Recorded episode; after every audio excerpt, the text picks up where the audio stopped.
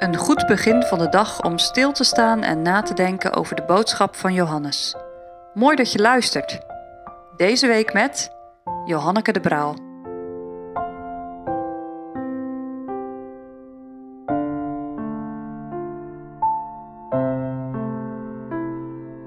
God verheerlijkt. We lezen samen Johannes 12, vers 23 tot 33. Maar Jezus antwoordde hun, zeggende: De uur is gekomen dat de zoon des mensen zal verheerlijkt worden. Voorwaar, voorwaar zeg ik u: indien het tarwegraan in de aarde niet valt en sterft, zo blijft het zelf alleen. Maar indien het sterft, zo brengt het veel vrucht voort. Die zijn leven lief heeft, zal het zelf verliezen. En die zijn leven haat in deze wereld, zal het zelf bewaren tot het eeuwige leven. Zo iemand mij dient, die volgen mij. En waar ik ben, al daar zal ook mijn dienaar zijn. En zo iemand mij dient, de Vader zal hem eren. Nu is mijn ziel ontroerd. Wat zal ik zeggen? Vader, verlos mij uit deze uren. Maar hierom ben ik in deze uren gekomen. Vader, verheerlijk uw naam. Er kwam dan een stem uit de hemel zeggende: En ik heb hem verheerlijkt, en ik zal hem wederom verheerlijken. De schade dan, die daar stond en door te hoorde, zeiden dat er een donderslag geschied was. Anderen zeiden: Een engel heeft tot hem gesproken. Jezus antwoordde en zeide: Niet om mijnentwil is deze stem geschied, maar om uwentwil. Nu is het oordeel deze wereld. Nu zal de overste deze wereld buitengeworpen worden. En ik, zo wanneer ik van de aarde zal verhoogd zijn, zal hen allen tot mij trekken. En dit zeide hij betekende hoedanige dood hij sterven zou.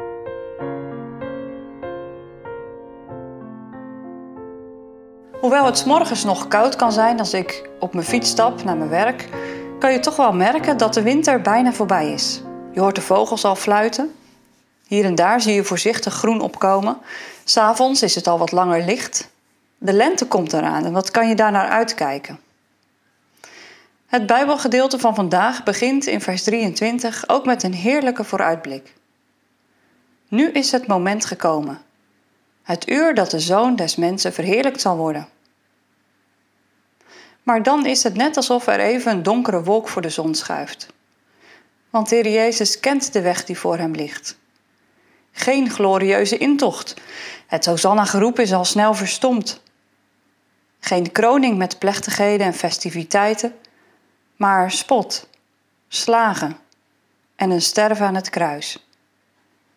Het is net zoals dat korreltje graan wat in het najaar in de aarde wordt gezaaid. Voordat het straks opkomt en vrucht draagt, moet het eerst in de donkere aarde gezaaid worden en sterven.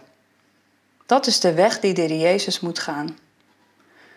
Dat is ook de weg die zijn kinderen gaan. Wie zijn leven wil behouden, zal het verliezen. En wie het zal verliezen, die zal het behouden tot het eeuwige leven. De Bijbel noemt het ook wel een afsterven van de oude mens. Dan wordt de macht van de zonde gebroken en ontvangt een zondig mens een nieuw leven.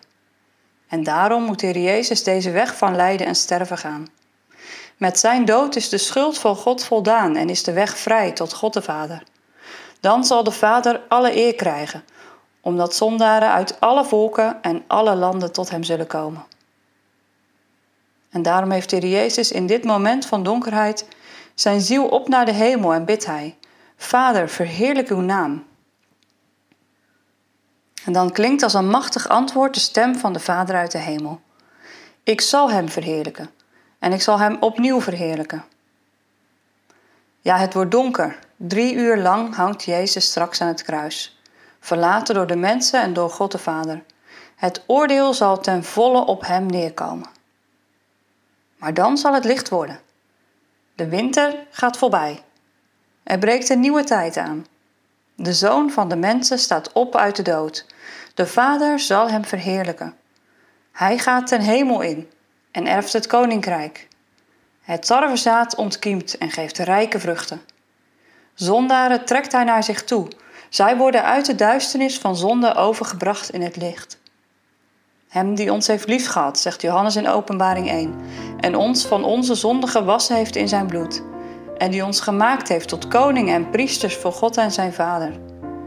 Hem zij de heerlijkheid en de kracht in alle eeuwigheid.